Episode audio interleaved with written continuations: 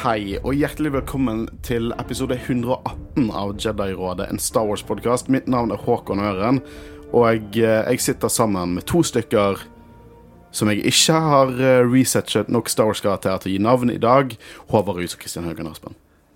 Hei. Begynner å bli lat. Håkon. Begynner å bli lat. Det har vært en lang, eh, vært en lang uke. Jeg har siden sist klart å runde God of War Ragnarok to ganger. Ja, nice. Ja, for det at Første gang så måtte jeg runde det for meg sjøl. Og så andre gang så måtte jeg runde det for min samboer, som ikke klarer å spille spill, men hun liker veldig godt historien til spill. Så da rundet jeg det to, to ganger. Ja. Det var helt konge. Eh, vi har også blitt eh, ferdig med, med Andor. Så vi skal feire det ved å bli ferdig med Andor i dag. Eh, men kom an, del litt av livene deres også. Lytterne lurer. Kristian, Mm? hva har du gjort i det siste? Jeg har eh, recappet uh, Andor. Vet du hva, det går ikke an å, Vi klarer ikke å snakke om noe annet enn Star Wars. Vi. Jeg prøvde. Det er liksom Neida, det jeg eh. Men uh, jeg visste ikke hvor dypt inn i livet mitt du ville jeg skulle gå, men jeg har vært på julegavehandel. Du har vært på julegavehandel. Hvordan går det? Det går fint, jeg er halvveis. Du er halvveis? Ja. Hvor mange skal du ha totalt? Godt spørsmål. Jeg tror, ja, halvveis sa jeg bare fordi jeg er nær meg, iallfall mot midten. Jeg, jeg er sånn 90 ferdig. Jeg er jævlig fornøyd med meg sjøl. Men jeg er litt fattig nå, da. Uh, for når du kjøper alt på Black Friday Og vet du hva, jeg kjøpte alle gavene på Black Friday og klarte kun å få én av de på Black Friday-tilbud. Jeg var uheldig på alle de andre. Uh, men vi skal snakke om Endor sesong én. Eh, det er faktisk Jeg kan ikke huske sist gang vi klarte å faktisk få ut den episoden uken etter vi hadde dekket sesongfinalen. Ironisk, ironisk, ironisk nok så var jeg syk da med hostingen min, men nå er jeg frisk. Det er aldri det som skjer. Alltid omvendt. Eh, Men vi skal gå gjennom hele, hele denne første sesongen og ha egentlig bare en liten dialog om hva vi synes nå når vi har eh, nest, Jeg har ikke klart å se alle episodene på nytt. Jeg fokuserte på første halvdelen, det måtte jeg si. Jeg eh, så ferdig uh, announcement-episoden uh, i dag. Uh, Mm. Så langt kom jeg. Men det er jo på en måte de jeg trengte å friske opp òg, da. Fordi de siste episodene de siste ukene, det har jeg jo relativt Vi har vært- grei oversikt over. Mer festet i hodet. Ja, eh, seriøst, Narkina 5-arken, den, den dekket vi, for å si det sånn. Vi gikk dypt inn. Eh, så jeg, det var første halvdel jeg måtte i hvert fall få med meg. Um, Guro var jo med på to episoder fra Narkina 5. Hun kommer innom eh, i studio litt senere i episoden for å eh, gi oss hennes meninger om serien. Eh, og eh, Så jeg, jeg elsker denne tiden av året. Eh, jul og sånn er gøy, men jeg elsker når Spotify wrap-up-sesongen begynner. Fordi at eh, vi har så flotte lyttere at de sender oss liksom deres topplister vi når vi er på toppen der. Og jeg eh, Ja, det, det, jeg innrømmer at det er en ego-boost. Men det er utrolig kjekt å se at, at uh, det er så mange som hører på oss. Og har på en måte lyst til å gi beskjed at ja, vi hører på dere. Eh, Det betyr mye for meg. Jeg syns det er kjempe, kjempekjekt at dere driver og, og sender det inn til oss på sosiale medier. Jeg syns det er utrolig koselig. Så jeg måtte bare si tusen takk til dere som, som ikke eh, Dere må ikke sende inn eh, for at dere, vi skal være glad i dere. Vi er glad i alle som hører på oss. Og bare si tusen takk til de som støtter oss år etter år. Så ja, tusen takk. Men vi skal hoppe inn i Endor sesong én etter Håvard har spurt Christian om eh, hvordan det går med sosiale medier. Altså, igjen så lurer jeg på om du glemmer det, eller holdt på å si, gjør det der med vilje. Må jeg gjøre det med vilje? Ja. Jeg er bare så smooth. Ja, ja, ok. Eh, Liksom sånn smooth overgang. Men uh, ja, Håvard, hva syns du om sosiale medier? det var ikke det jeg spurte om, men let's go. det. Jeg let's roll with jeg, jeg, jeg bare gjorde det om igjen. OK. Ja. Aha. Jo, nei, sosiale medier er gøy. Og som Håkon sa, det er alltid gøy å få eh, meldinger, og eh, spesielt nå når Spotify er wrapped og sånt, så vi setter utrolig stor pris eh, på det. Det er jo Instagram, eh, Facebook vi bruker mest. Jeg har Twitter òg, og TikTok, men Vi skal bli flinkere. skal bli flinkere. Håvard skal, Jeg bra Håvard skal brainstorme hele julen på nye TikTok-ideer. jeg føler hovedaktiviteten vår den ligger i Instagram. Ja.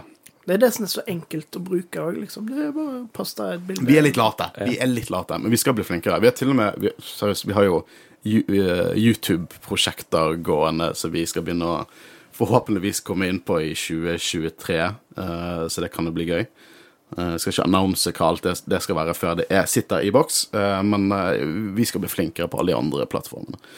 Poenget så Håvard skulle komme med, i hvert fall følg oss der, for det setter vi veldig pris på. Og gi oss en sånn, sånn golden five star review på iTunes, Uh, og, eh, og skriv en liten tekst der. Vet Dere trenger ikke skrive noe. Dere kan skrive bare Dere kan skrive Star Trek, fem stjerner. Og vi kommer til å sette pris på det. Så tusen takk. Uh, og så gi oss en rating på Spotify. Det er kjempegøy. Vi er Jeg tror vi mangler 13 reviews for å nå uh, din drøm, Christian, som er 200 i løpet av året 2022. Ah, Er det nå jeg skal si denne ølgreien igjen? At jeg gir dere en øl? Den har du all... Ja, det må du, men jeg tror ikke vi klarer det. Jeg, oss jeg, jeg var på julegavehandel, jeg er fattig jeg òg, så jeg tror ikke jeg tar den. Hvis vi når 200 i løpet av 2022, så synes jeg at du kan spante en øl til på meg og Håvard. Jeg- Du har jævlig gode odds, da. Du har utrolig gode odds. hva med omvendt? Omvendt. Du sa geiter i dette løpet. Geit. Uansett. Vi skal diskutere Andor sesong 1.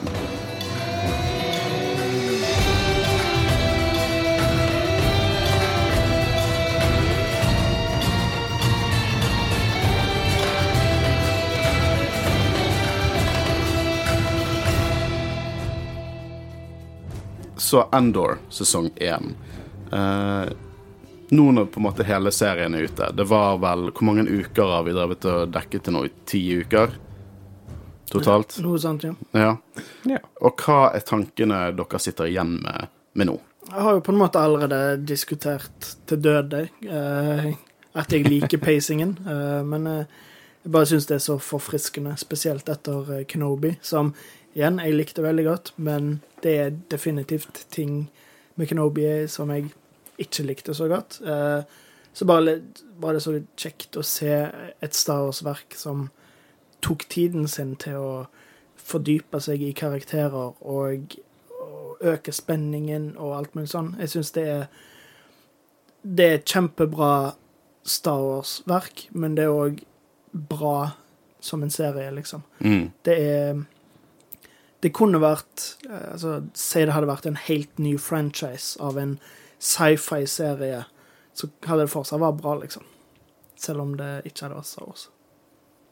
Christian? Jeg er helt enig. Altså, jeg jeg har nesten lyst til å avtrone Mandalorian fra min eh, Disney Nå må du spare det til vår ja, jeg, jeg, jeg prissending. vet det, men jeg syns Andor er, er Jeg syns de nailet eh, hele prosjektet. Altså eh, eh, karakterutvikling og storytelling er top notch. eh, eh, holdt på å si det er vanskelig å finne noe å kritisere det for. Men det, er, prøver, det, det er veldig vanskelig. Uh, ja. det, det er liksom jeg, For det, vi sitter og dekker episode etter episode av all slags Star Wars-ting. Og jeg, eh, vi har ingen liksom vi, vi, er, vi er en veldig positiv gjeng. Liksom, vi synes det er gøy å like Star Wars. Eh, og jeg i hvert fall føler jeg, jeg, jeg, jeg, liker at det vi på en måte står for, være positive på det.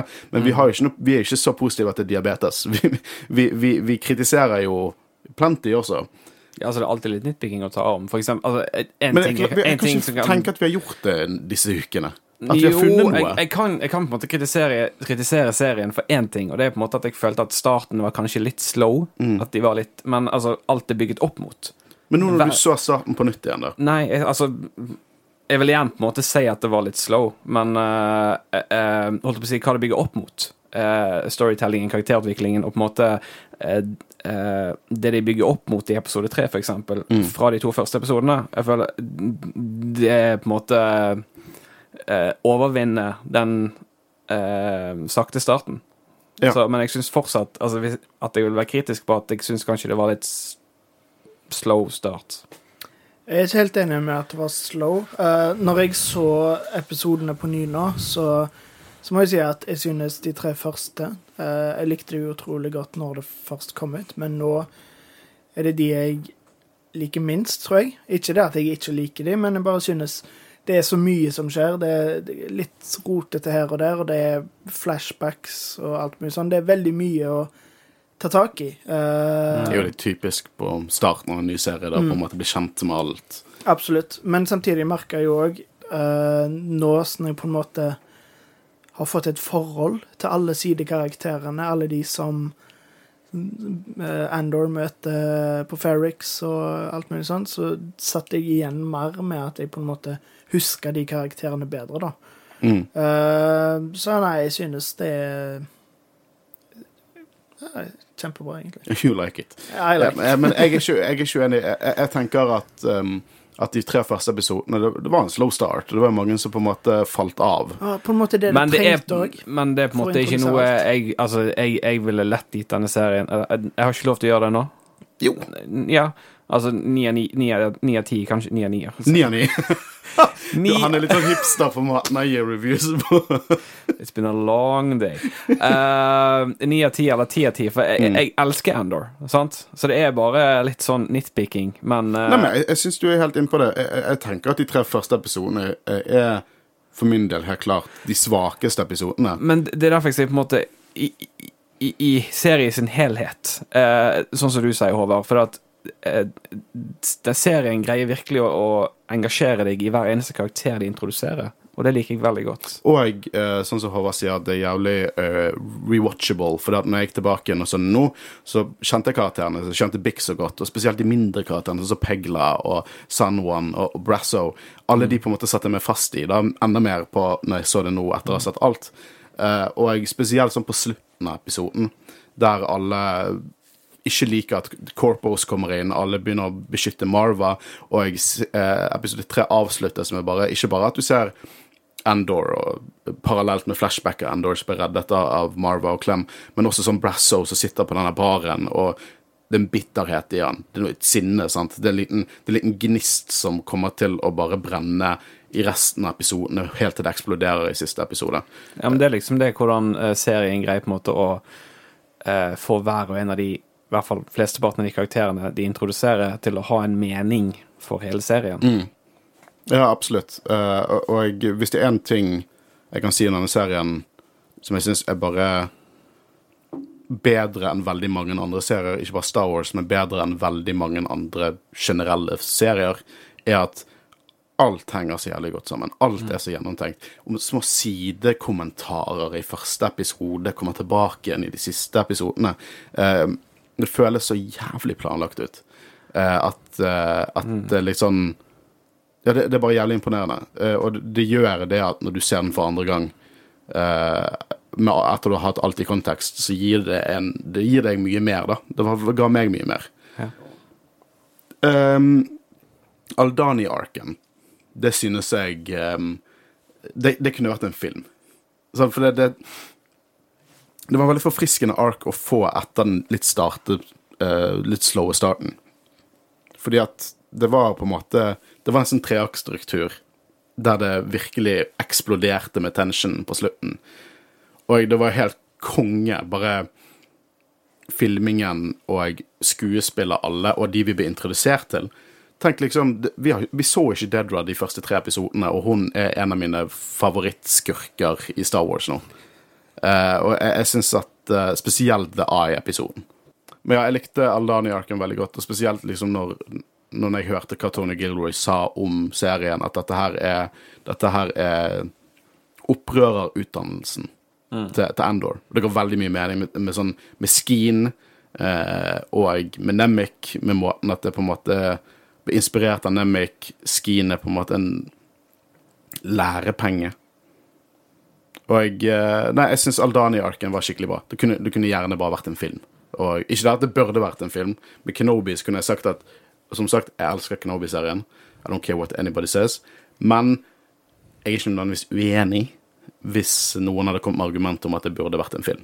Uh, dette her kunne vært en film bare fordi at det, det er så filmatisk, sant, og, og det er Det merker jeg også veldig på det at Å snakke om elefanten i rommet, at det ikke er volume her. For the volume kan bli brukt kjempebra. Mando er laget for å fungere med the volume.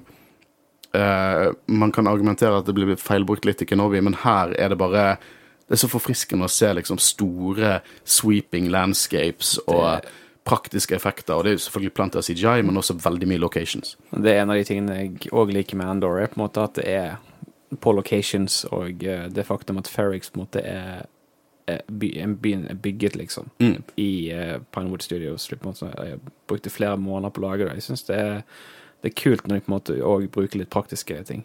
Og når du snakker om Ferrix, jeg har aldri følt så mye personlighet et sted i Star Wars før. I tillegg, du føles ekte når du ser på det. Ja. Det Og, og i hvert fall den de viser så mye om kulturen der. Altså, den serien viser, jeg tror den serien, sånn som i Aldani-arken, når på en måte The Eye skjer, så viser de på en måte The Aldanis når de på en måte feirer eh, den tingen sin, da. Og eh, de ser jo masse sånn eh, kulturelt de viser på Ferrix. Og jeg tror at det handler veldig mye om hvorfor The Empire er the bad guys her. Hvordan, her er alt det de vil undertrykke. All, alle disse folkene er individer som har ulike verdier og ulike kulturer, og dette vil ikke Dette driter The Empire i. De skal plassere det i en boks fordi at de skal være sånn som de definerer de, og det det, det bare viser hvor, hvor fundamentalt evil The Empire er. Noe som jeg egentlig Sånn eh, simpel Heroes Journey er awesome, og det er en del av Star Wars-historie. Eh, så Og jeg har på en måte har en sånn pet peeve med tanken at det virker som mange som liker Endor, litt sånn da må jo alt andre suge. Jeg har sett folk liksom eh, trakke ned uh, originaltrilogien, for Endor er så jævlig bra. Og Palpatine og Empire er jo ikke skummelt i originaltrilogien. Men sorry, ass. Nå må man få perspektiv. Fordi at ja, det kan være skummelt Det er skummelt med en evil emperor og the dark lord of the Sith, men dette viser oss bare en, en annen, litt mer grounded side av hvor skummelt det er. Hele denne serien viser en mer grounded side av Star Wars. Det betyr ikke at alt annet Jeg vil ikke at all Star Wars skal være som Endor. I det hele tatt. Det er litt sånn Endor versus Mandalorian. ene er en jævlig saftig, god burger. Den andre er en utrolig bare god sushi. Men det er ikke alltid jeg har lyst på sushi. Det er ikke alltid jeg har lyst på burger, men begge er jævlig gode for det om. Jeg har alltid lyst på burger, men jeg har aldri lyst på sushi. Men jeg tar heller en Last Jedi er den sushi, da. Det er sushi. Men uh, er, det, er, det, det på en måte det samme når jeg leser i kommentarfeltet, at uh, det er ingenting annet bra Star Wars enn originaltrilogien? Er det Ja. liksom det det går på? Nei, det, det, det, det, folk, folk, det er folk som skyter på originaltrilogien, for Endor er så jævlig bra. Det var en annen type en annen type storytelling som vi ikke har sett mye av i Star Wars. Og det betyr ikke at det er bare Seriøst, jeg elsker Star Wars. Vi elsker Star Wars. Det er en så stor del av, av, av hvem vi er som person. Jeg, jeg tenker det er såpass mye vi, vi forguder Star Wars, at jeg blir litt sånn lei meg når folk på en måte skyter ned alt det som på en måte har vært med på å bygge opp Star Wars, fordi at vi har fått et verk som er så annerledes, men kjempebra også. Det er plass til begge deler. Star Wars kan være cheesy og badass på den måten som eksempel Mando har vært, eller originaltrilogien har vært. Og så kan det være mer grounded, sånn som Rogue One og Endor. Det bare gjør det at det er mye mer det er en frisk hage av et univers. Og det er plass til begge deler. Det betyr ikke at én er bedre enn den andre. Jeg, jeg, bare, jeg, jeg klarer ikke å sammenligne det på den måten, liksom. Nei, men det er bra Ja, Én ting er jo det å på en måte like noe bedre enn annet, men å bare si at det er bedre, og derfor det andre ikke skal være bra, det syns jeg er litt teit. Ja, det, det, det er jo det. Men Men, og jeg liker på en måte når eh, altså Det som kommer av Star Wars, at de på en måte, sånn som du har sagt før, Håkon, at de prøver for forskjellige sjangere. Mm. At de utfordrer eh, forskjellige ting, for det er masse å ta av i Star Wars-universet. det er det. Eh, Og jeg eh, Endor er på en måte Det er egentlig ikke noe nytt. eh, med tanke på Star Wars storytelling, på en måte spesielt bøkene. Men det er noe nytt for mainstream Star Wars. på en måte Det vi ser på skjermen Star Wars. Og det er konge at det er nytt. Og det er konge at folk for Nå får jeg inntrykk av at folk stormer til det, som jeg er veldig takknemlig for. For vi trenger variasjon i Star Wars.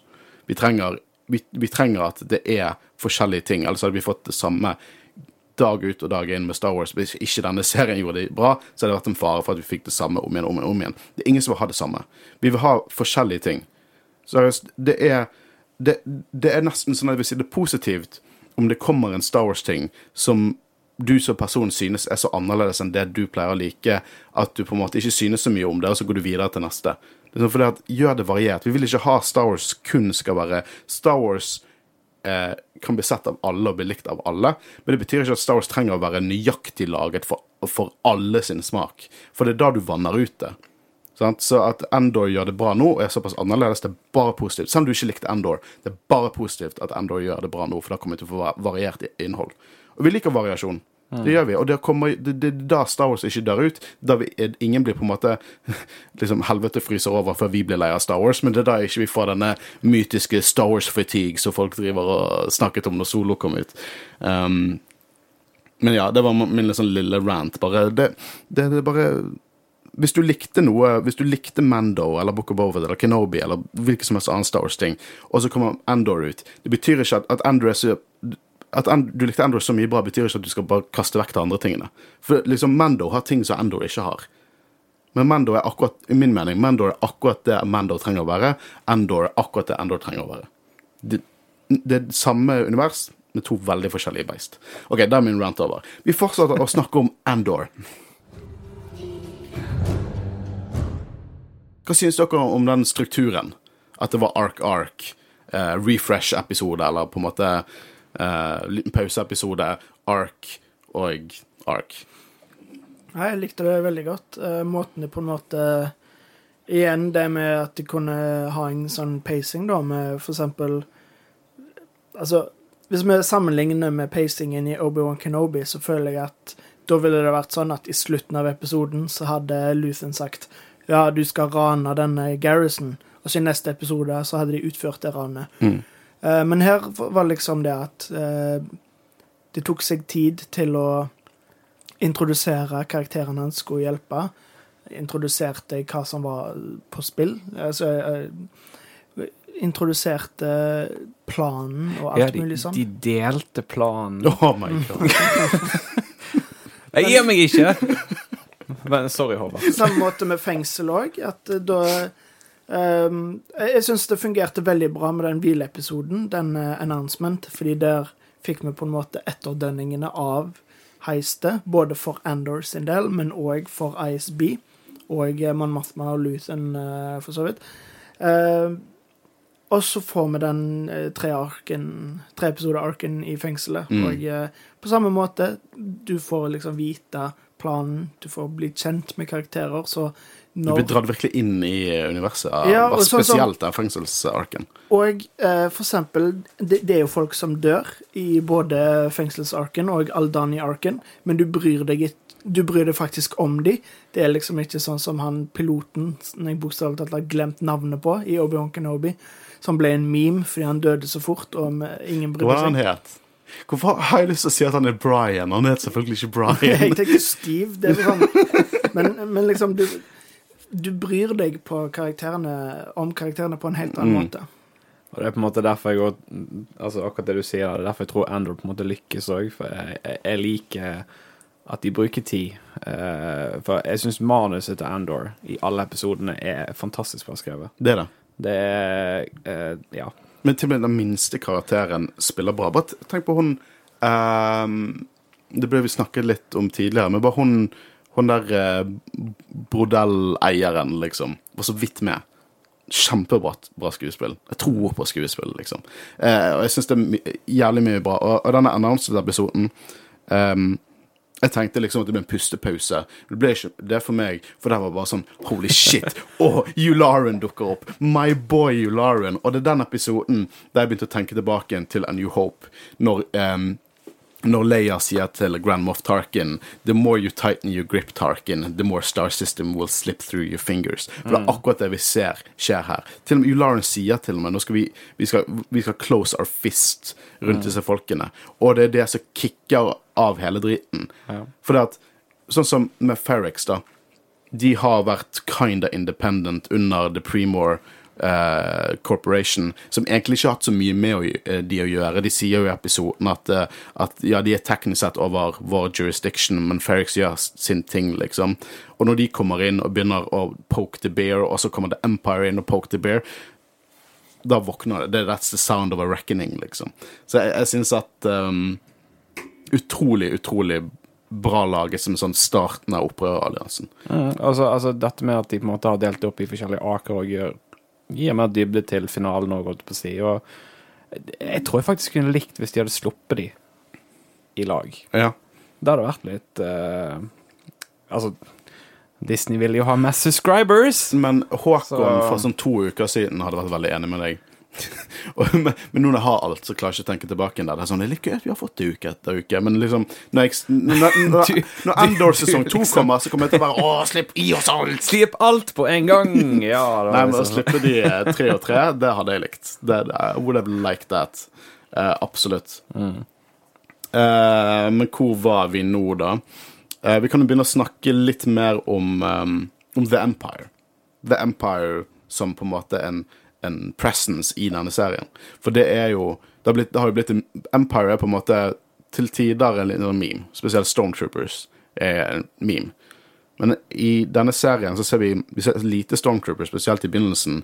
Eh, vi ser mye grunts, bare infanterister med fjesene sine nakne. Vi ser på en måte inn i øynene til Vampire, The og når først noe ikonisk som en TIE Fighter, når de dukker opp på Aldani-arken, så er man livredd. Seriøst, den scenen og den rene eh, TIE-piloten driver en sånn joyrider for å fucke med de, liksom, det er fortsatt så, Han er så jævlig kuk, jeg digger det. Men uh, når du ser Stormtroopers, og når du ser det mer ikoniske Star Wars, så er de enda mer skumlere enn de noen gang har vært det, egentlig. Ja, det føler jeg får godt fram i serien, at Empire er på en måte De viser virkelig hvor uh, fryktinngytende Det er riktig ord? Ja. De er. De er det. De, de, de er skumle. De er De er de, de er flinke i jobben sin. Altså Bare sånne enkle scener òg, som for eksempel eh, Tie Fighteren som flyr over Al Aldani. Det er det mm. ja, sant? Bare det får du chills av. Fy søren. Ja, og det er jo bare Han Solo hadde jo bare ledd. Ja. liksom. Uh, men det, det, det, det er det som gjør det så jævlig grounded. Sånn som han lytteren som, som coinet Ola Spaceman sin Star Wars, som er bare slik jeg har lyst til å beskrive hvordan Endor er. Eh, det som det, det er. Det er mye mer grounded, det er skummelt. Vi skjønner hvorfor The Empire klarte å styre. Eh, jeg begynte, og jeg har alltid vært en forkjemper for dette, at selvfølgelig har folk glemt The Jedi. Det er ikke unaturlig i det hele tatt. Her får du vite, se det hvordan de undertrykker frie tanker, hvordan propagandaen deres fungerer. Uh, Nemec sier jo liksom det. De, dette er bare en av mange hundre ting de har tvunget oss til å glemme, liksom. Uh, jeg syns det er dritfett, og jeg elsker at Jedi har ingenting med dette å gjøre. Så vidt noen referanser, bortsett fra Rockhatten og Kyber-krystallet som Luthen gir til Andor. Jeg digger at The Force har bare nada med dette å gjøre. Det er mest i form av easter eggs. I form av easter eggs. Uh, men uh, vi kan jo også snakke litt om karakterene, da, for Andor i seg sjøl. denne serien gjorde jo det som jeg, eh, jeg visste den kom til å gjøre.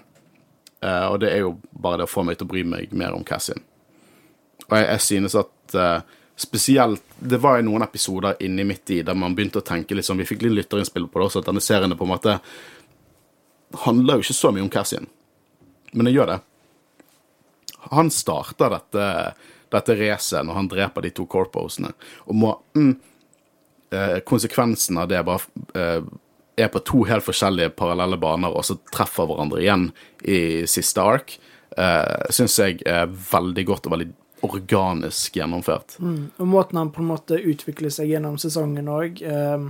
I starten så leter han jo etter søstera. Eh, jeg har sett at folk har eh, klagd litt over at det bare var et sånn plotthull, at søstera ikke blir nevnt igjen omtrent.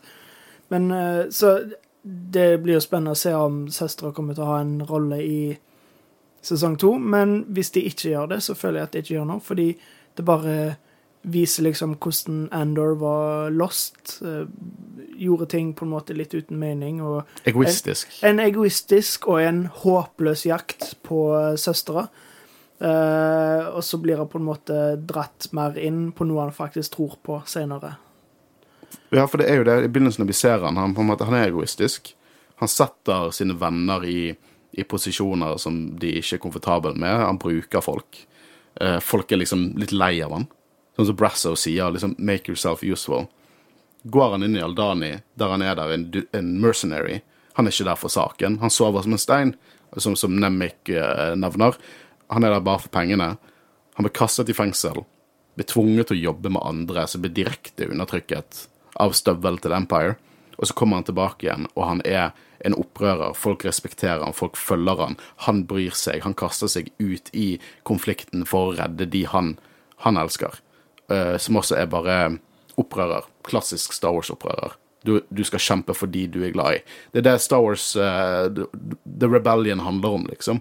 Uh, og jeg, jeg synes at um, bare, For jeg så den scenen igjen når Cassian ble introdusert i Rogue One. Når Mon Mothma sier sånn Cassian Andor, Rebel Intelligence. Eller Captain Cassian Andor, Rebel Intelligence. Som er bare sånn ah, dette er retroaktiv canon, for nå vet, kjenner han, jeg vet hvor han har vært tidligere, og det allerede gjør det at Rogue One er mye mer dope for meg. Allerede en dope-film, enda mer dope for meg. Jeg, jeg kommer sikkert til å gjøre det, gjøre, det om til en ti av ti film etter jeg har sett sesong to, eh, som jeg vil ha nå, uh, by the way. Men det er flere litt sånn større karakterer her. Zero Karn. Uh, ganske patetisk karakter.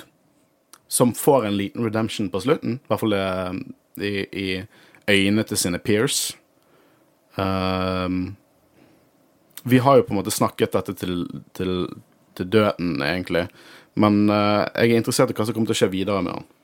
Ja, uh, som du sa, han var ganske patetisk i begynnelsen, og jeg visste liksom ikke helt hva jeg skulle forvente. Uh, fordi som jeg nevnte, det var vel i første episode vi snakket om det, at i traileren så, så filma de han liksom når han sprang, og jeg så for meg at han skulle være en sånn super badass Captain America i The Empire. Jeg tror du til og med sa det, at Ja. uniformen lignet litt på Captain America. Så, så det var liksom noe helt annet enn det jeg så for meg. Men Mm. jeg, jeg synes det var en veldig gøy karakter. En, en som på en måte vel, vil veldig gjerne oppnå noe i livet i The Ja. Empire, på en måte. Shipper du han og Dedra? Aktivt shipper du de? Aktivt shipping de, nei. Men Det gjør eh, Guro. Guro aktivt shipper de. Og, og, eh, og i første episode av sesong to så eh, har de middag i Corsant, i den beste restauranten med to vinglass. Det er ikke det Guro mente. Hun Ah, nei. mente at neste gang vi ser Dedra og Cyril, så har de på seg sånn bondage dominatrix gear. Ja. Så ja, men dere får høre mer om, men- fra Guro senere i denne episoden. ja. Men jeg vet ikke Men eh, det er interessant karakter, kan du egentlig si. Men uh, det er jo spennende å se hva som skjer med han sesong to. Ja, i hvert fall når vi tenker på en måte Dead Ramiro. For det er Dead Ramiro uh, så fascinerende karakter. Og vet du hva, jeg så eh, youtuberen Eckhart's letter, som jeg eh, han, han dekker en del legends, som jeg syns er litt interessant. For jeg, eh, jeg kan innrømme at jeg ikke kan like, like mye legends som jeg kan Cannon, men uh, så det er litt gøy å høre hvordan det var litt sånn Small Legends-videoer fra han. Men han snakker om, også om Cannon, og han drev og snakket om at eh, Dead Ramiro var bare en evil karakter som gjør evil things. Uh, som jeg var bare så utrolig uenig i. For at, nei, og dette her er ikke noe sånn stikk som Håkon er glad i Empire. Han er glad i Empire. Og Dedra gjør onde ting, men hun gjør jobben sin fra det ståstedet hun mener er det riktige ståstedet. Hun, hun kjemper det hun mener er terrorisme. Så nei, at du kan sitte og si at hun er pure evil, da føler jeg ikke at du har fulgt med på karakteren i det hele tatt. For det, hun er en dyp karakter, og hun er en utrolig god skurk her, som har disse gråsonene. Eh, det at du har virkelig helter og skurker på hver side. Jeg sier ikke at hun er en helt, men fra sitt standpunkt er hun det. Så jeg syns hun er kjempeinteressant, og jeg syns det er også veldig interessant hva Hvis hun skal ha noe med Cyril videre, eh, som hun kommer garantert til å ha eh, Jeg tror at han muligens kommer til å til å få en høyere stilling, kanskje i ISB til og med. Hun men mangler det- jo en i men- sitt uh, entourage. Men det er vel Cyril sin større ambisjon, hvis han har en ambisjon om å date det- de- Glem nå hele greiene der. Drit nå i det. Men han har vel ambisjon om å gå opp, opp i rankene. Ja, sant? ja. Han har absolutt Jeg tror han har- han har- det, er litt, det er jo litt interessant å følge en karakter på en måte som eh, er interessert i å bli med i The Empire. Det er, jo, det er jo en måte å analysere det på. Og det er jo litt, det er jo litt sånn Det er kjempeinteressant. Ja. Og hele, det, det, det kule vi ser med The Empire i denne serien, er jo dette, denne, dette sinnssyke ambisjonsnivået du må ha for å være med i det. Uansett om du sa, ser han eh, Captain Tigo i hvert fall bare sånn 'Å, kan jeg vel få bli prefekt, please?' For jeg vet ikke noe mer lønn, men det er kult å kalle meg prefekt. Sånn, klatre opp, klatre opp. Og så eh, kommandanten på Aldani, som jeg elsker, med his expanding belly. Um, bare alt liksom snakk om å høyere opp, høyere opp, høyere opp, klatre opp, klatre opp, klatre opp. Alle er det, bortsett fra Dedra. Hun, hun gjør det, ja, men hun gjør det på riktig måte. Hun har bare lyst til å gjøre jobben sin. Det viktigste for hun nå er å ta ned denne opprørersælen, så hun bare har en anelse om begynner å vokse, som ingen av de andre på en måte tar hun seriøst om. Eh, så det blir jo interessant om hva konsekvensene blir for hun videre. Kommer hun til å få en sinnssyk sånn smell på hendene av at hun ikke klarte å fange Endor?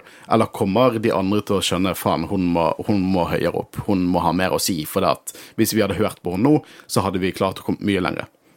Jeg tror nok eh, Jeg tror kanskje det blir det siste, fordi eh, Ja, hun feila i slutten, men allikevel Hun fikk ikke alle ressursene hun ville til å begynne med, og sånn, så de kommer nok definitivt til å ta opprørercellene mer alvorlig, i hvert fall. Mm. Jeg tror nok det er, som Andor sier, at de er så fat and satisfied at de liksom tror ikke at at det kan bli en stor opprørerallianse. Um, jeg tror rett og slett at de, de tror at de har kontrollen, uh, men merker nå at OK, shit, vi har ikke så stor kontroll som vi kanskje opprinnelig trodde vi hadde. Jeg også tror på en måte at hun, kommer til å stige i rankene, for hun gjør jo på en måte alt riktig. Altså, hun finner jo ut at dette er en uh, conspiracy, holdt jeg på å si, Uh, og det heng, ting henger sammen. Og hun har rett i eh, det meste av det hun gjør, bare som Håvard sier, hun får ikke alle ressursene hun trenger. Uh, og feiler er jo resten av Empire er opptatt av å på en måte slå ned hammeren på- og hevne Ja, seg, liksom. Så, og, og, og i teorien så feiler hun jo på en måte på slutten, da. Mm. Så, men jeg tror eh, de kommer til å se vekk fra det punktet, og heller på det punktet at hun har jo rett i det hun gjør. Ja, jeg håper det. Jeg, jeg, jeg håper i hvert fall at um, At vi får masse Dedra nå inn i sesong to. Uh, jeg er veldig glad for at hun overlevde, for jeg tror det er mye mer uh, å dype seg inn, ikke bare liksom i, i, uh, i karakteren, men også sånn mentaliteten til noen som jobber for The Empires, og som tror på saken. For det er ting som jeg, jeg synes er utrolig interessant når det kommer inn i Star Wars. Um, største Kanskje et av de største kritikkene jeg har til sånn sequel-trilogien, er at goddammit, dere hadde en ex-stormtrooper i Finn, og så gikk dere ikke litt inn på ideologien der. Og på en måte Ja, jeg vet det skal være på en måte Det skal være liksom eventyr, men faen, ass, det, det er på en måte politikken og dybden og alt det som gjør at jeg får meg til å tro enda mer på universet. universet. Uh, så jeg, jeg er glad for at de utforsker det litt uh, her. Um, Apropos skurker og helter. Vi har Luthen. Luthen Rail, uh, spilt av uh, Stellan Skarsgård. Uh, spilt utrolig bra av Stellan Skarsgård, og en utrolig interessant karakter. Bare når, så når jeg så det på nytt igjen nå, når han kommer til Coruscant, og han på en måte tar på seg parykken sin og endrer litt positur for å øve seg til å være liksom den overdrevne shop-owneren. Jeg uh, syns det er dritfett. Og den hele spiongreiene med han og Mon Mothma og alt det, akkurat svær del av det jeg ville se med Endor. Og jeg syns han var en utrolig interessant karakter. Jeg er utrolig glad for at han overlevde. Og jeg, jeg syns det er kjempeinteressant hvordan han tenker, hvordan han, han, han jobber som en skurk, liksom. Han får hendene sine skitne, han, han gambler med liv. Eh, det på en måte får liksom det der eh, temaet om sånn OK, du har opprøreralliansen, The Good Guys i originaltrilogien, men så er det også de som på en måte blir radikalisert. sant? Du har Sogarera har Sinta, som jeg absolutt mener blir radikalisert. Hun på slutten er mer som en skurk, og jeg tror serien også anerkjenner at hun er en skurk. Hun er ikke på riktig vei her i det hele tatt. Uh, alt det temaet rundt opprørerne, som ikke bare er The Good Guys på dette tidspunktet, det er mye mer komplisert. Jeg syns det er kjempefascinerende. Jeg syns det er dritfett. Og uh, Star Wars er heldig at Stellan hadde lyst til å spille i denne serien. Det er litt sånn, det, det er ganske utrolig at eh, det har tatt så lang tid før han spiller en karakter. Og, og jeg husker når han ble annonsert, så var jeg litt sånn Åh, skal han spille en opprører? Jævla goody two-shoe. Nei, han var uh, Han var uh, badass karakter. Jeg føler på en måte alle de skuespillerne jeg ser til hver enkelt karakter i denne serien, her føler jeg er ekstremt good casting. Men siden vi snakker om uh, Stellan nå, så syns jeg uh, han spiller uten så utrolig bra. Og en scene jeg på en måte har lyst til å ta frem, eh, er den scenen når han møter informanten sin i uh, ISB. Ja, ja, ja. Eh, og den på en måte talen han gir om hva han ofrer eh, fra seg sjøl, for på en måte det han gjør nå for å kjempe mot imperiet. Hele den scenen der er så velskreven, så velutført, og skuespillerprestasjonen er helt enorm. Eh, bare, bare den scenen der er en av de beste scenene i Endor-serien. Jeg vil si at det bare den tar, Det er så mange monologer her. Sant? du, du, du du føler det når han, når han sier det. holdt jeg på å si. Det, du, du merker at han mener hvert eneste ord. Så bra syns jeg at den skues skuespillerprestasjonen i akkurat den scenen. Så seriøst, jeg har snakket nok om at Goofy Badass Star Wars er også awesome, og jeg har sett Jeg elsker Boba Fett som kommer tilbake igjen på Titan og bare kicker ass. Jeg elsker når Mando bare går ut av uh, skuddbombet kantina og dreper Death Troopers. Jeg elsker hallway-scenen med Vader. Elsker alt det der. Men det sier litt når det er taler og monologer og ingen action skjer på skjermen i Endor, så er jeg like skrudd inn. Jeg li syns det er like forbanna kult. Eh, og da, da, tenker jeg hovedsakelig sånn eh, Luthen sin tale i den episoden du snakker om, Marva sin tale på slutten, mm. og Andy Circus som eh, Kino Loy sin, eh, sin, tale i slutten av Narkina 5, som også var bare awesome. One way out. Mm, ja, enig. Altså, det er veldig mye flotte Hva skal du si Motivational mm. speeches, på en måte. Den beste av de er jo Wolf Lauren som sier at vi skal knuse de forbanna opprørerne her. ja. Jeg var så glad av å se Wolfie Ularen. Jeg må bare si det en gang til. Fine barten hans. jeg tror det er den scenen jeg har sett mest fan da, det er bare når han dukker om. Og jeg elsker hvordan det er filmet, for du bare ser en fyr i hvit uniform, og så ser du fjesene til alle de andre i ISB, og så ser du han fyren i hvit uniform, så går kameraet sakte opp til barten hans. og så er det Wolfie Laren. Og jeg elsket det. um, vi må jo snakke om Mon Mothma også. Hun er jo også en utrolig viktig karakter. i, vi, i den bare, serien. Bare ta én liten ting om Luton. For at, uh, jeg ser det er forferdelig mye teorier på nettet. Og jeg prøvde å sette meg litt inn i det. Uh, og det er mange som har lyst til å påpeke det faktum at uh, Luthen er en Jedi. Åh, jeg hater det! jeg, jeg, på en måte Jeg, jeg følte at når, det, når jeg ser YouTube-video på YouTube-video, på innlegg på Reddit og overalt, så tenkte jeg vi kan jo ikke la være at, at jeg, noen av oss tar opp spørsmålet Hva synes vi om det? Jeg hater det. That's stupid. Sorry, altså. Det er en dum, dum teori. Nei, ikke faen om han er Jedi. Jeg nekter. Det skjer ikke. Nei. Eneste jeg på en måte eh, skulle ønske Jeg håper virkelig ikke jeg må sluke ordene mine nå. Nei, men uh, sett vekk fra at han ikke er en Jedi. Altså, Nå bare tar jeg det opp, for jeg syns det ligger så mye ute på nettet om det. jeg eh, dømmer ikke deg om du Jeg dømmer deg litt, men jeg dømmer ikke deg veldig mye. han, han, han, gir fra seg en Kyber Crystal som uh, Eh, name-dropper noe veldig stort da, etter mm. han gir den fra seg. Men eh, det faktum at han sier at eh, denne her betyr utrolig mye for meg Kan det være at, sett vekk fra at han ikke er en Jedi, at han eh, hadde et forhold med en Jedi? Som gjør at han har hatt imperium? Det, det kan jeg heller kjøpe. At han har en intens Det virker jo som han har holdt på med dette en stund. At han har et intenst hat mot Empire han har, han har før Empire viser sine ekte farger fordi at Jedi ble knust av, av uh, The Empire. Det kan jeg heller kjøpe. I serien så sier han at han har holdt på med dette her i 15 år. Mm -hmm. ja. Men, men, liksom, det, det, tenkte jo jeg kunne vært en, en bedre teori enn ja. at han var en Jedi. Ja, ja. Men det er jo mange som um, påpeker at denne her, eh, hva skal du kalle den for pinn? Eller, denne hadde når han skulle besøke Sagarera. Hva kaller?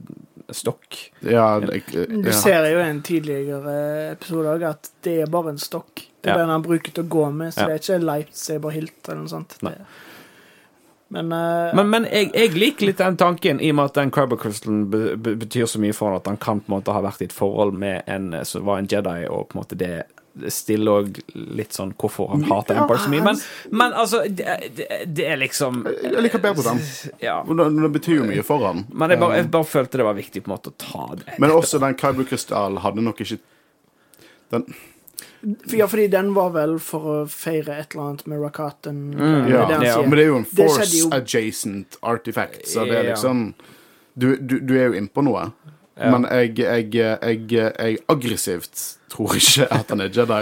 Men den teorien din eh, syns jeg ikke høres eh, så usannsynlig ut. Men det er derfor på en måte jeg eh, vil avslutte at han er en Jedi-avsnittet her, med at jeg håper de på en måte går litt mer inn i dybden på Luton i sesong to. Mm. At han får en liten sånn backstory-introduction. Ja.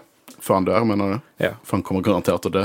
ja, ja, det er klart, men uh, det hadde vært litt uh, Jeg må også si at jeg elsket uh, de scenene med han og Saw Guerrera. Uh, det var jo bare to scener, men de gjorde stor impact på meg. Absolutt. Og ikke minst angrepet hans på den uh, Cantwell-cruiseren Det var bare helt sinnssykt awesome.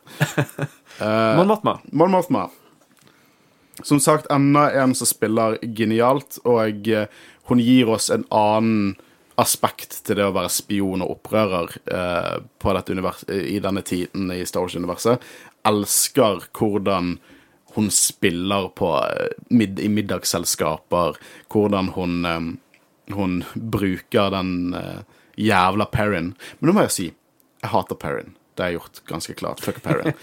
Men hvis jeg setter meg inn i skoene til, til Lida, datteren, og Perrin, eh, som de tenker liksom OK, vi har denne treehuggeren av en mor og kone som ikke får gjort noe i, eh, i politikken sin, men allikevel bare keeps going, keeps going, keeps going, har aldri tid til oss. Så kan jeg kinda skjønne attitude-problemet begge har. Definitivt. De har eh, et vanskelig forhold. Um, og eh, som i, i den frokostscenen når uh, Mon Mothma først sier at hun skal ta Lida med, men så sier hun liksom Ja, nei, men pappa tar meg istedenfor. Og eh, at eh, du gjør det alltid om deg. Eh, så hun, er jo veldig oppslukt av saken, og Jeg tror også hun traff eh, spikeren på hodet der og opprettholde en fasade, også, bare at hun skjønte ikke hvor langt det gikk. Selv om jeg tror også at man Mothma bry seg om sin egen datter. Selv om serien hinter til at hun kanskje pimper henne ut på slutten, som er veldig dark. Men ehm, ehm, jeg likte i hvert fall veldig godt hvordan det utspilte seg. Jeg vil gjerne, gjerne kanskje litt mer av henne.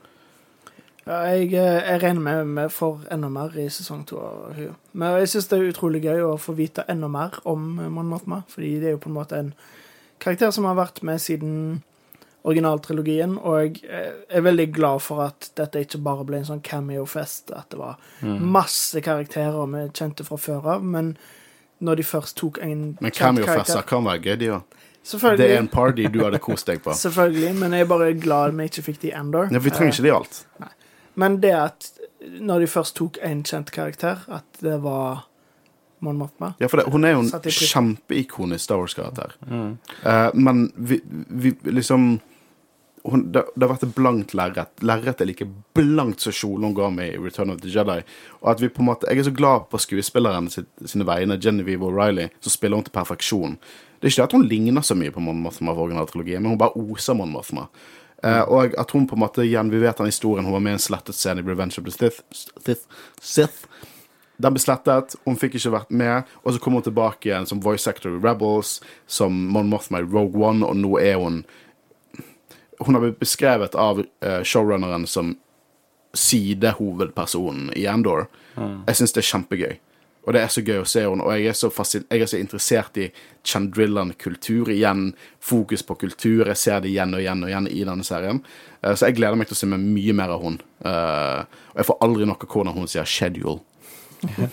Og det, det tror jeg på mange måter vi vil gjøre i sesong to. Vi vil se mer av henne, og så vil jeg tro at i sesong to så blir nok uh, Bale Organa introdusert. Ja. Gode, gamle Bale. Elsker Bale. Eh, det, vi har jo faktisk fått sett Bale-Organa i, i, i år, som vi kommer sikkert til å snakke litt mer om i neste episode, når vi har vår eh, Vi skal gi ut pris på hva som er vårt favoritt-Star Wars-materiale eh, fra eh, Star Wars-året 2022. Eh, men eh, det er plenty av mange karakterer her. Men jeg tenker vi har fått dekket de som er viktigst nå. En shout-out til Kino Loy. eh, Andy Serkis sin awesome karakter uh, for Narkina 5-episodene.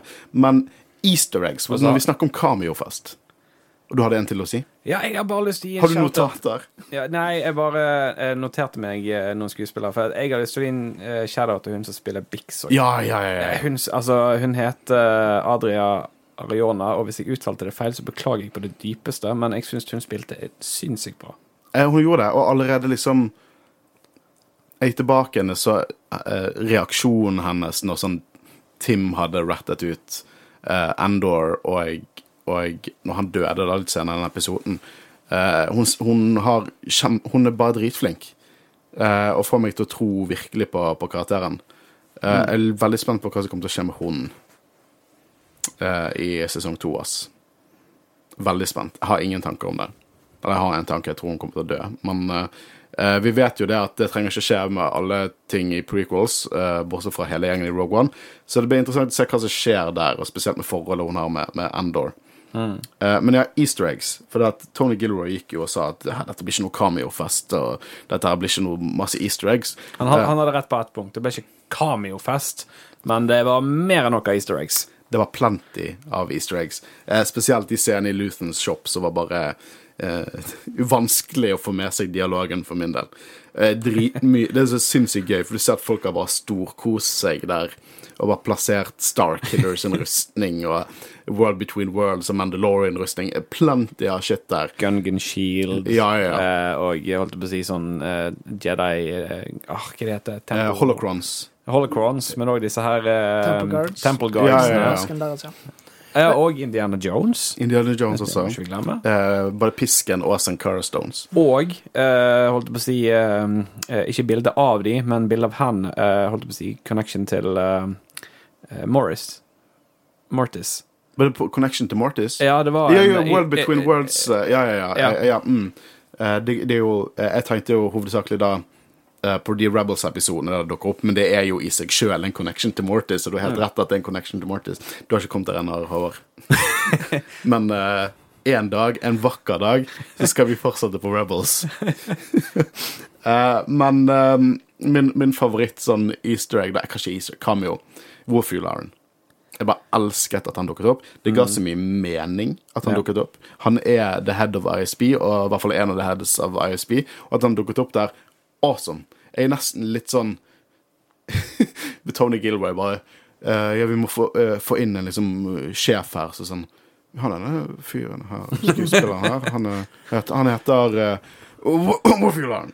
Men, Men jeg det du sier der, da, jeg føler det jo er veldig mange av de easter eggene at det på en måte ikke nødvendigvis er Tony Gilroy. Eh, Sånn Det som, er garantert ikke. sånn som den eh, i den episoden der det skal være en middagsscene, og de bare name-dropper karakterer som Mm, eh, og Arstango, Stango, tror jeg det var. Ja. og Samme, det er òg planeter som blir nevnt, og diverse sånn. Jeg føler det jo er bare storygroupen og de andre som bare legger inn ting der. Ja, men her ser du på en måte det, he det hele liksom Tenker- maskineriet av storygroupen og the creative heads bare jobber sammen, og så får vi dette her. For det, at det er plan Vi kunne hatt en egen episode der vi gikk gjennom alt av easter eggs i denne serien. Det var plenty av det. Ja, det hadde tatt tid, men eh, tenker du at Tony Gilroy i ettertid har sett dette her og tenkt Hva faen er det de har gjort? Wolfularen har jo dukket opp før! Men jeg, jeg husker vi, vi var veldig eh, på, eh, i hvert fall jeg, da, eh, i forhold til dette her med at Å, dukker Tarkin opp? Kommer Palpatine nå? Uh, på mange måter så er jeg, jeg er veldig glad på at det var liksom Wolf Laren, Ja. og at vi fikk på en måte Det var en mild, det var en mild cameo, liksom. Jeg, jeg, jeg, syns at uh, Ikke glem Two Tubes. eh, Two Tubes. Men på en måte eh, Jeg føler at eh, det var bedre for serien. Mye bedre. At de på en måte holdt seg der. Ja.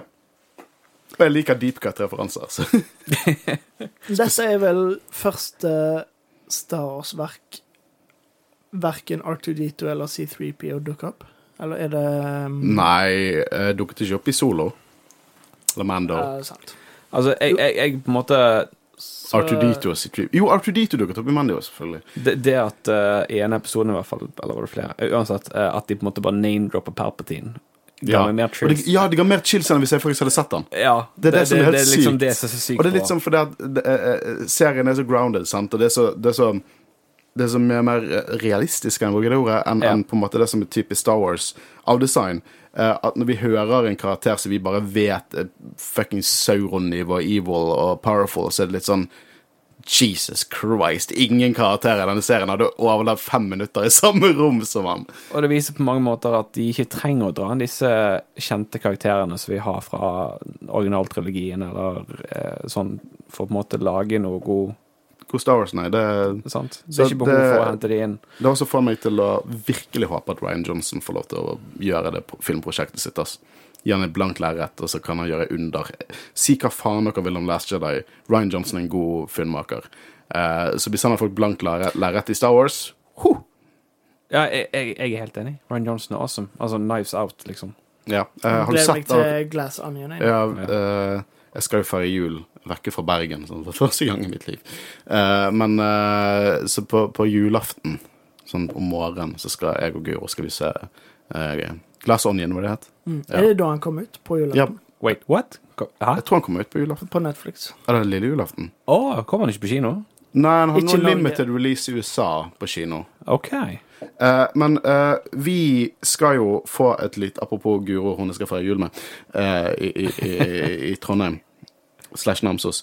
Hun skal komme inn og så skal hun uh, fortelle oss litt hva hun synes om Endor, med tanke på at hun har med på noen av disse episodene. Men før vi går inn der, så har jeg fått en, en, en fin melding fra Edvard, uh, som da uh, var litt sånn shaky på sesongfinalen eh, av, av, av Endor. Han likte serien kjempegodt, men sesongfinalen følte han seg litt tom. Eh, så vi ga jo et veldig dypt råd. Se det en gang til. og han sier da har jeg fulgt rådet til Jedi-rådet og sett sesongfinalen av Endor igjen. Så episoden igjen, ventet noen dager og så den for tredje gang i helgen. Etter første gang var jeg usikker på hva jeg følte. Etter tredje gang er jeg 100 sikker. Hvordan er det mulig at Star Wars kan levere noe så bra som dette. Ti av ti sesong, og sesongfinalen er toppen av kransekaka. Gripende å se hvordan Endor lener seg så mye på manifestet til Nemik. Det gir Endor et målrettet syn på veien videre, og det er så inspirerende å se at Nemik nesten viste at Endor trengte en manifest. Ved at Mon Mothma bruker sin ektemann for å skjule sine spor, er heftig. Det viser bare at opprørerne ikke er like clean som de blir framstilt i de originale filmene, men skitne og tyr til alle midler som mulig for å bekjempe imperiet. Ordene som Brasso viderefører til Endor fra Marva, er hjerteskjærende Star Wars. Eh, sorry, er hjerteskjærende. Star Wars tør her å vise ekte følelser, noe som bare er så utrolig deilig. Endor tar inn ordene fra moren, og nå er det hulking og mannetårer. Same. Gravferden til Marva er enestående. Korpsmusikken er så original og passer så jævlig godt inn. Det er briljant. Og hvem er det som sier droider ikke er sentient? Se på Bee idet han eier gravfølget. Talen til Marva er kanskje det beste fra hele serien, og kanskje noe av det beste i monologene i monolog, monologiens historie. Dette her mener jeg er Oscar-verdig. Jeg har på følelsen at Luthen går gjennom en karakterutvikling idet han hører på Marva. Endor nå er en leder, og folkene på Ferrix ser opp til han for en, for en utvikling Endor har hatt disse tolv episodene. Dette er en serie som er så godt gjennomtenkt og gjennomført. For å være helt ærlig begynner denne serien på å nærme seg toppen av Star Wars for meg. Rart hvordan et syn på en episode kan endre seg på å gi den tid og flere views. Jeg har endret syn på episoden. Den er 11 av 10. Hadde likevel ønsket en konfrontasjon mellom Dedra og Luthen, men det er jeg sikker på at vi får i sesong to. I et år vi- hvor vi har fått Kenobi, Tales of Jedi og Endor, er jeg ikke i tvil. Endor er det beste for Star Wars i år. Kenobi i seg sjøl en bra serie med enestående handling, men den mister mye av produksjonen, dessverre. Endor en spillefilm av høy kvalitet, mens Kenobi tydelig er en TV-serie. Er Kanskje nødvendigvis bare uenig i den. Um, da har jeg fått luftet mitt syn på Star Wars for i dag. det har du. Tusen takk for glimrende podkast. Det har virkelig endret mitt syn på Star Wars og gitt liv til en Star Wars-fan som bare hadde nøyet seg med å se filmene. Har gledet meg like mye til podkastepisodene som jeg gleder meg til Star Wars-episodene. Tusen takk. Og tusen takk til deg. Det er nesten tårer i øynene mine. Nei, det, nei, det var en tåre i øyet mitt, det at eh, sånne meldinger går dypt inn i, i blodpumpen min. ass. Og det, vi er vel for så vidt ganske enig i mye av det han sier. Ja, jeg, Eh, eh, han, eh, han forklarer absolutt mitt syn på sesongfinalen, som også jeg føler gjenspeiler hele serien. Jeg bet merke i én ting som han skrev, dette her med at eh, når vi ser Rebels i originaltrilogien, eh, og at eh, du nå på en måte ser at de bruker mer skitne metoder. Og det får meg gå tilbake til den scenen med Luthen, når han på en måte gir den lille talen sin om hva han måtte ofre. Der sier jo det at han må bruke handlingsmåtene til sine fiender. Eh, ja. For at andre kan holde hendene sine rene også. Så gir Ja, også mening ja. at, at opprørerne er på en måte kjemper litt mer hederlig i originaltrilogien, fordi at folk som Luthen har på en måte hatt muligheten, har tatt det offeret, da. Ja. Uh, og skitnet seg til og brukt fiendestaktikker mot fienden for at de andre skal ha muligheten til å gjøre dette. For at de skal komme sammen. Det er jo det det handler om. Det er det vi tror, jeg tror vi kommer til å se i, i sesong to. Og jeg er helt enig med han skriver at uh, jeg òg tror at denne serien har potensial til å vinne priser. Ja, ja, og så Absolutt. jo, ikke tvil. Vi kommer Nei, til å se tvil mange nominasjoner og mange seire, tror jeg. Ja. Absolutt. Men har dere hørt om uh, Håkon sin samboer Guro? Det blir litt nevnt uh, en gang. Jeg tror jeg nevner henne i hver episode. For det er nå skal vi høre hva Guro synes om Endor.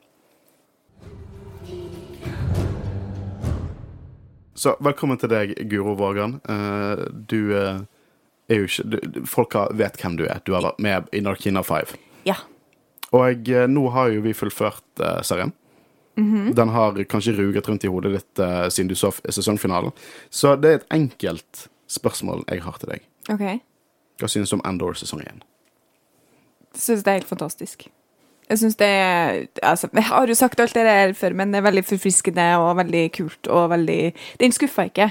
Eh, se- sesongavslutninga skuffa heller ikke i det hele tatt. Så jeg, jeg- jeg husker jo at eh, det var på en måte Jeg så den med deg, vi er samboere. Pleier å se Star Wars sammen. Uh, men uh, jeg husker jo at du Det var liksom alle følelser du var gjennom. Ja. Spesielt når B2 fikk et Å, spark. ja. det er Altså, det, det er Så sint har ikke jeg vært på lenge. Nei, kanskje når de storm, eh, scout-trooperne slo Baby Yoda. Da var Ja, ganske sint. Ja. Altså. ja, men det er på nivå med det. Ja. Og du, du på en måte For det, du, du, du fikk jo sagt mye av meningene dine opp mot de episodene du var med, for du var med på de to siste episodene av Narkina 5-arken. Men nå de, de, de to siste, den siste arken, på en måte, hvordan har det fungert for deg? Nei, jeg syns øh, den øh, nest siste var litt sånn eh, Ikke transportetappe, men kanskje litt sånn OK, når det her føler ikke skjer Det var en så setup, absolutt. Ja. Eh, men den siste var bare helt syk. Jeg føler vi fikk liksom payoff eh, for alt eh, som ble eh, bygd opp, og pluss at de klarte å på en måte eh, vise helt tydelig at er, her er bare starten. Det kommer en sesong to også. Eh, så ja, nei, jeg syns bare Jeg er veldig fornøyd. Men eh, i begynnelsen av, av, av serien um, Jeg fikk inntrykk av at du likte serien veldig godt, men at du på en måte Du var ikke du, du, du var veldig klar på at det er litt slow. Ja. Og hva, hva tenker du om det når du har alt i sin helhet, liksom? Nei, det er jo det som er så flott, da. Når det eh, begynner å skje noe, så er det ekstra deilig. Eh, fordi du bryr deg om karakterene som, eh, som er med. Og det, du har veldig mye bakgrunn eh, Altså hele universet altså Nå er jo det i Star Wars-universet, men hele på en måte Endor-universet føles så realistisk. Så det er sånn Når det skjer noe der, så har det my mye større impact fordi at det føles ut som det faktisk kunne ha skjedd, på en måte. Ja, absolutt. Og da, da er du på en måte refererer du også litt til, til, eh, til politikken her, da. For det, jeg husker vi snakket litt om at det var Du kunne trekke paralleller til, til ekte hendelser som skjedde nå i verden. Og det husker jeg traff deg litt. Ja, absolutt, og du ser jo i siste episode òg med på en måte opprør og opprørsleder, og på en måte den som er sparken. Eh, Å nei, nå har jeg glemt navnet hennes. Marva. Marva! Unnskyld, Marva. Guro har jobbet i hele dag og er sliten. Og er også fryktelig dårlig på navn. Eh, ja, men, og det er jo veldig Star Wars, føler jeg. Eh, den derre eh, Det starter med en person-greia. Eh, men også veldig realistisk, at man på en måte har behov for at noen går foran. Den pushen, liksom. Ja, og hvis noen går foran, så følger gjerne folk etter også. Eller sparken, som de sier i favorittfilmen til Christian The Last Jedi. Yes. Han sitter her fortsatt. Ja, jeg, jeg sitter her og lytter. Men har du noen avsluttende tanker da om, om Endor? Og Eh, kanskje om sesong to? Eh, ja, jeg hørte jo dere var så vidt eh, inn på det i stad, der du sladra om mine eh, spådommer om hva som vil skje med Dead Row Zero. Ja, Eh, gris.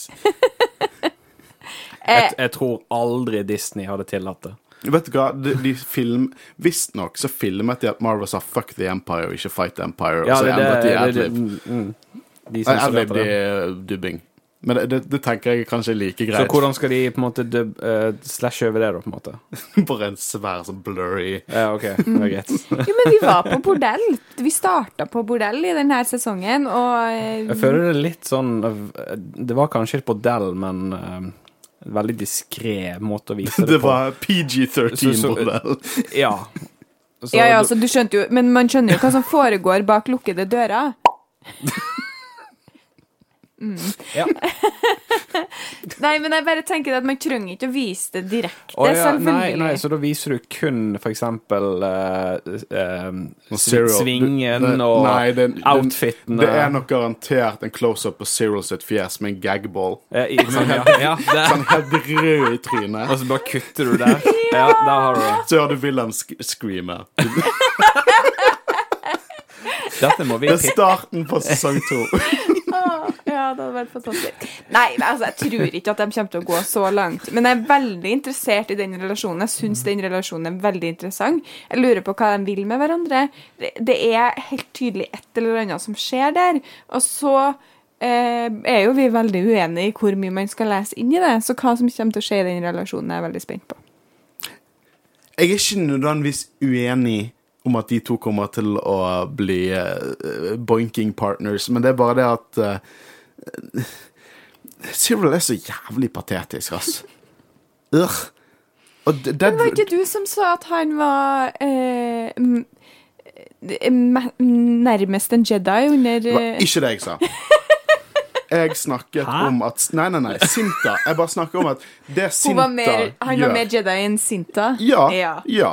En Sinta. Sånn, sant? Så bare gråsoner betyr ikke at han er Han er en ræv, liksom. Og Dedra, Dedra burde gå etter sånn fucking Will of Tarkin, eller Men han er jo egentlig ikke så jævlig patetisk. Det er jo bare det at mora hans er helt jævlig, og han har et eh, Han regresser når han er lag, i Fikk du med med deg mora si, scenen han liksom. anklaget moren og var satt i hans secret box? Ja, han er Mother, creepy. you looked in my secret box. Han er det, liksom, creepy, det, han- er ikke, det er ikke en mektig karakter. Hadde Nei. ikke sagt den setningen. Men jeg syns at det er interessant, fordi han er Ja, han jo er interessant. Han er det. Han var jo ikke sånn når han hadde sin stilling i eh, Jeg vet ikke hva stillingen hans var, men når han var på, på meg. Deputy Inspector på Premore Corporation. Ja, nemlig. Han var pretty goddamn patetisk da også, ass. Nei, men han ble jo bare motarbeida. Han var jo den som ville gjøre en ordentlig jobb. Ja, ja, men det var ingen som respekterte han, liksom. Han var jo på en måte sånn Nei, men det var jo fordi han push var en try-hard. Når push eh, came to show, så hadde jo Han tørde jo liksom Han, han, han ble jo helt stunned av litt action, liksom. Ja. Men Men det virker jo som han har lært, da. Han ble jo ble jo ikke veldig stunned av, eh, av action som, eh, som skjedde. det ble han ikke. Mm. Han, var, eh, han var, hadde stålkontroll på slutten der. Når, når, når Dedra falt helt fra hverandre. Som også var jævlig godt skuespill. Uh, så du har helt rett i det. Vi, Ja. vi får jo se en karakterutvikling på han også, så det blir interessant å se hvor han går videre. Jeg er veldig nysgjerrig på hva de vil med de karakterene. Mm. Uh, Dedra skjønner jeg veldig godt hva de vil med. Cyril not so much. Nei. Og i hvert fall ikke de to i lag. Så det, det er jeg kjempespent på. Ja. Jeg, jeg, jeg, er- veldig spent på det også. Håper ikke de begynner å boinke, for Dedra kan så mye bedre enn Cyril. Men uh, det er nok sikkert det som skjer, uansett. Uh, men da tenker jeg eh, takk til deg, Jo, for at du ga, deg, eh, ga oss våre to cent og litt R-rated content i tillegg. Yes. Og så skal vi få Håvard inn her, fordi vi skal snakke om hva vi, å vi tror vi kommer til å se, eller håper kommer til å se, i sesong to av Andor. Eh, takk for at jeg fikk se Vipp innom og eh, snakke litt med deg. Du kommer jo tilbake igjen eh, neste prissending, da du skal snakke om droider fra Ja. 2022. Det stemmer. Ja. Så du får gå tilbake til sofaen der du må researche droider. Var det godt med en liten pause over? Behagelig sofa. Det var behagelig sofa. Litt liten, syns jeg. Jeg har lyst på større. Men uansett, fremtiden. Sesong to av Endor, som vi vet kommer, som kommer til å konkludere denne serien. Eh, hva kommer vi til å se? Hva håper vi får å se? Eh, I hvert fall sånn som jeg har lest meg opp på, og det jeg mener Tolly, Tony, Tolly Gilroy Tony Gilroy har eh, på en måte snakket om, er at serien kommer til å ta eh, for seg forskjellige ark som spiller ut eh, over store tidshopp. Eh, første arken kommer til å være eh, fire år, BBY. Tre år BBY neste, to år BBY, one år BBY på siste, for at hun skal ledes opp til Til Rogue One. Rogue One. Mm. Uh, jeg føler på en måte at her har vi sett fødselen til Andor som opprører. Mm. Og så neste sesong så kommer vi til å få se enda mer av på en måte fødselen til opprøralliansen. Mm. Ja, du Det- ser liksom det kommer sammen. Ja. Eh, helt ærlig talt, eh, neste sesong så vil jeg ikke ha så mye imot en eh, cameo-fest, på en måte.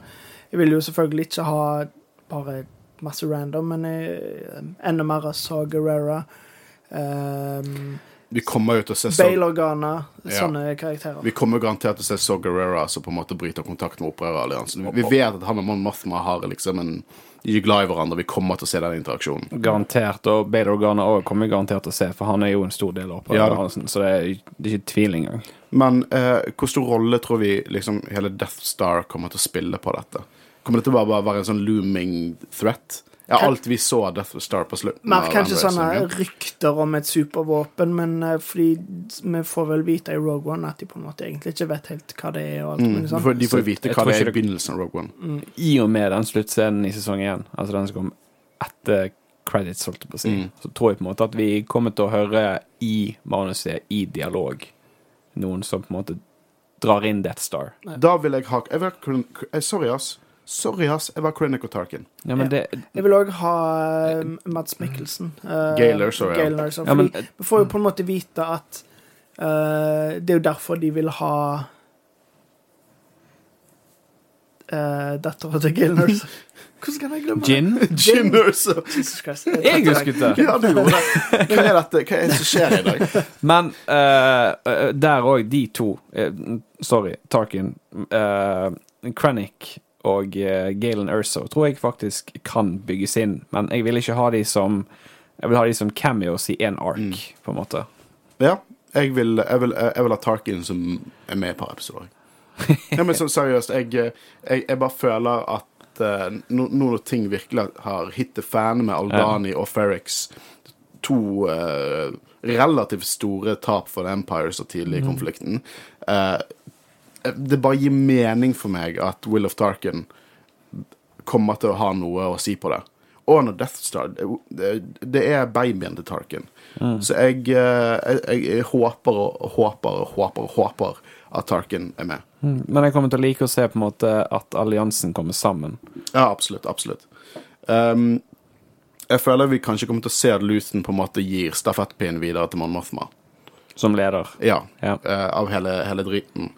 Eh, jeg tror vi kommer til å se The Gorman Front, eh, som har på en måte blitt teasa tidligere. Det er jo på en måte den store tragedien som skjer eh, med The Empire og The Gormans, og det som på en måte fører til at Mon Mothma offisielt bare avskaffer The Empire. Det er ikke mine folk, og, det på en måte er en stor samlepunkt for opprørerne. Eh, det tror jeg vi absolutt kommer til å se. Det har blitt snakket, nevnt tre ganger, tror jeg, i sesong én, så vi kommer garantert til å se det i sesong to. Og så har jeg lyst til, som jeg nevnte tidligere i episoden, jeg vil på en måte ha Kunne gjerne tenkt meg litt mer backstory til Luton. Mm. Vet du hva vi har glemt? K2SO. Ja, Ja, det, han kommer jo, det Ja, men vet vi. Det er Jeg har lyst til å ha han tidlig. Eller sånn tidlig, sånn i ark én eller to. Ja, for jeg gleder meg veldig til å se, eh, for det gjør vi garantert, at hvordan de møtes. Mm. Sant? Eh, og hvordan de blir et team. Ja. Det, synes, Og- det kommer til å bli Og her her kommer spennende. Cannon til å bli overkjørt, folkens. Vi vet det allerede. For det at den historien er fortalt i en bitte liten one issue-tegneserie som ikke er bra og ikke er dårlig, det er bare ingenting. Eh, at den blir overskrevet I don't fucking care. Det går f- Det går helt fint. Ja. Jeg, Sikkert jeg kjenner Anderson drar tilbake til Niemos, og så finner den der droiden som har hengt den, og bare Og plugger eh, B2 inn, og så overfører eh, B2 inn til K2SO. Det er jo den store teorien at B2 Emo eh, er K2SO. Jeg er ikke kjent med den tegneserien. Det er Det som skjer i den tegneserien, er at Cassian Nandor møter K2SO. På hvilken måte? De møter hverandre, liksom. Å ja, okay, Nå forklarer forklarer jeg ganske dypt hva den tegneserien er. Det er en utrolig bare nothing. Nothing. Det var en sånn Det var en, en promotering som de slapp før Rogue One. sånn. Men Den, er, er, han canon? den var canon. Men nå håper de blir overkjørt. Ja, jeg aktivt håper det er en Ja. canon som blir overkjørt, liksom. Ja. Fordi at jeg vet at denne serien kommer til å gjøre det mye bedre enn den tegneserien gjorde. Mm. Så I don't care about that. Eh, Det kan godt hende at jeg er hykler. det, ja, men I don't care. Um, så jeg tror vi kommer til å se K2SO. Jeg vet vi kommer til å se K2SO. Det er jo Eh, bekreftet. Ja da. Men søsteren eh, fra Canary jeg, jeg, jeg Jeg må nå tro at det kommer til å ha noe mer å gjøre i sesong to. Ja, litt sånn som jeg sa. eh, jeg ser gjerne mer av søstre, eller noe av søstre, at de tar, går videre. Men samtidig så føler jeg på en måte at eh, de egentlig ikke trenger det, på grunn Mm. av eh, karakterutviklingen til Ender.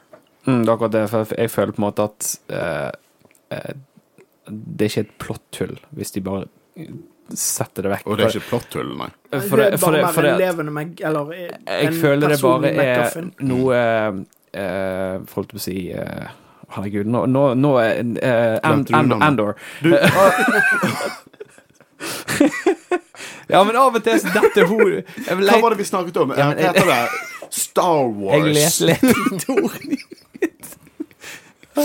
Jeg er så guro, jeg er dårlig på navn.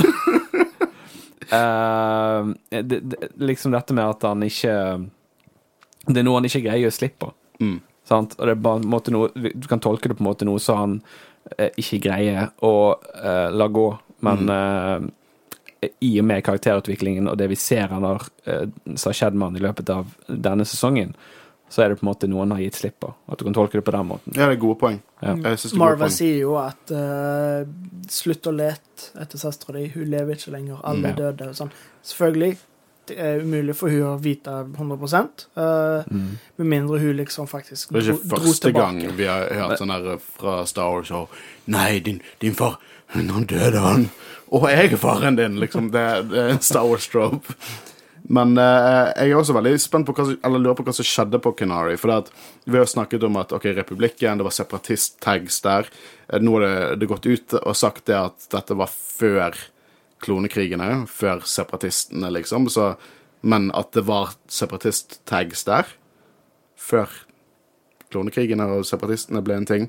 Så det var litt sånn Enten har separatistene noe med den organisasjonen som har dette er emblemet på seg, så de pilotene og mannskapet på det skipet på Canary har tatt det over. Men jeg må si at jeg gikk tilbake igjen i de scenene, og nå vet jeg at jeg sier meg uenig med Wikipedia, men de har tatt feil før.